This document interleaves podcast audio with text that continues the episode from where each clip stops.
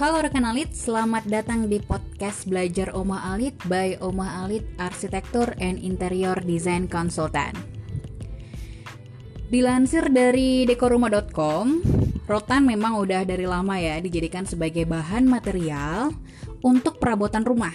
Walaupun sekarang ini makin banyak bahan material modern lain yang tampil di pasaran, rotan sekarang juga diproduksi dalam bentuk rotan sintetis ataupun rotan alami yang dijadikan sebagai kreasi mulai dari meja, kursi, vas bunga, dan masih banyak lagi.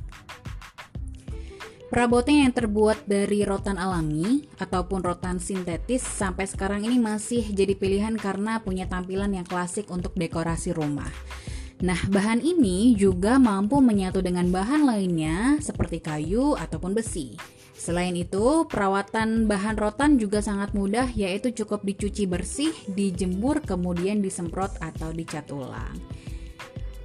Tapi, seiring dengan banyaknya permintaan, rotan pun gak hanya berhenti dari penggunaan bahan alami saja. Sebagian pengrajin sekarang mulai mengembangkan rotan sintetis yang terbuat dari bahan politilen atau bahan plastik. Selain dianggap kurang ramah lingkungan, rotan sintetis ternyata mulai digandrungi karena didapuk lebih tahan lama dari rotan alami. Sebenarnya apa aja sih perbedaan dari rotan alami dan rotan sintetis itu sendiri? Yang pertama adalah rotan sintetis punya anyaman yang lebih rapi. Nah, furniture yang terbuat dari rotan sintetis ini pada umumnya dianggap lebih rapi dari rotan alami karena dibuat dengan mesin yang punya presisi yang tepat dan sesuai dengan desain furniture yang diinginkan. Gak cuma itu aja, gak ada sambungan ya antara rotan seperti yang biasa terjadi jika furniturnya dibuat dari rotan alami. Sambungan antar rotan inilah yang biasanya ngebikin furniture sering kali tampak gak rapi. Yang kedua, Rotan sintetis punya bobot rotan yang lebih ringan daripada yang alami. Jadi perabotan yang terbuat dari rotan sintetis ini juga pada umumnya punya berat atau bobot yang lebih ringan dan hal ini membuat segala furniture dari bahan sintetis lebih mudah dipindah-pindahkan. Jadi nggak heran kalau berbagai kalangan dari dunia usaha seperti hotel, resort, Kedai kopi, restoran hingga perkantoran juga lebih memilih menggunakan bahan sintetis karena segi fleksibilitasnya.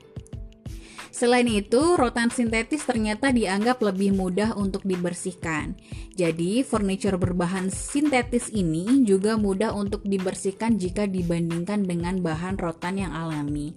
Jadi, rekan alit tinggal menggunakan lap atau kain yang lembab untuk membersihkan debu, atau kotoran yang menempel.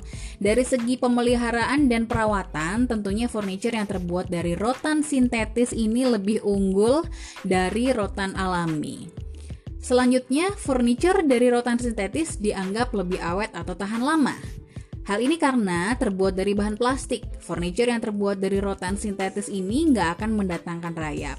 Selain itu, bahan ini juga dikenal kuat terhadap air dan cahaya matahari langsung, sehingga rekan alit bisa menempatkan furniture seperti sofa, set meja, dan kursi teras hingga sofa bed di luar ruangan tanpa takut rusak. Nah, buat rekan alit juga yang suka banget sama berbagai warna, sepertinya bisa lebih eksplor ya dengan pemilihan furniture rotan dari bahan yang sintetis. Karena sifat sintetis dan elastis yang dimiliki oleh rotan sintetis ini membuatnya lebih mudah dibentuk dibandingkan dengan rotan alami, sehingga pilihan desainnya juga makin beragam dan bisa dibuat sesuai dengan selera sendiri. Warna yang dihasilkan juga lebih variatif, jadi rekan alit bisa memilih sesuai dengan kebutuhan di ruangan Anda. Tapi kita pengen ingetin lagi supaya memperhatikan bahan dasar rotan sintetis dari perabot yang dibeli ya.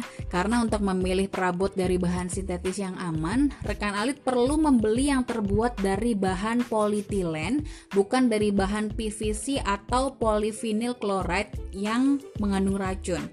Nah, salah satu cara yang efektif untuk menentukan furniture rotan sintetis hanya dengan membelinya melalui produsen penghasil produk furniture rotan yang sudah memiliki reputasi dan terpercaya. Oke, okay, itu aja dulu kayaknya nih ngebahas rotan sintetis dan rotan alaminya. Semoga cukup mencerahkan pikiran rekan alit dan kebingungan rekan alit yang sekarang ini lagi pengen beli furniture rotan yang baru tapi bingung mau milih yang rotan sintetis aja atau yang alami aja. Pokoknya thank you banget sudah menyimak dan semoga bermanfaat sekali lagi. Jangan lupa follow podcast Belajar Oma Alit untuk selalu update informasi dan tips menarik seputar lifestyle, arsitektur, serta interior. Follow juga fanpage dan Instagram Oma Alit, YouTube channel Omah Alit underscore interior juga bisa rekan Alit subscribe. Save nomor WhatsApp kami di 085104885333 untuk informasi lebih lanjut. Oma Alit, better living for today and tomorrow.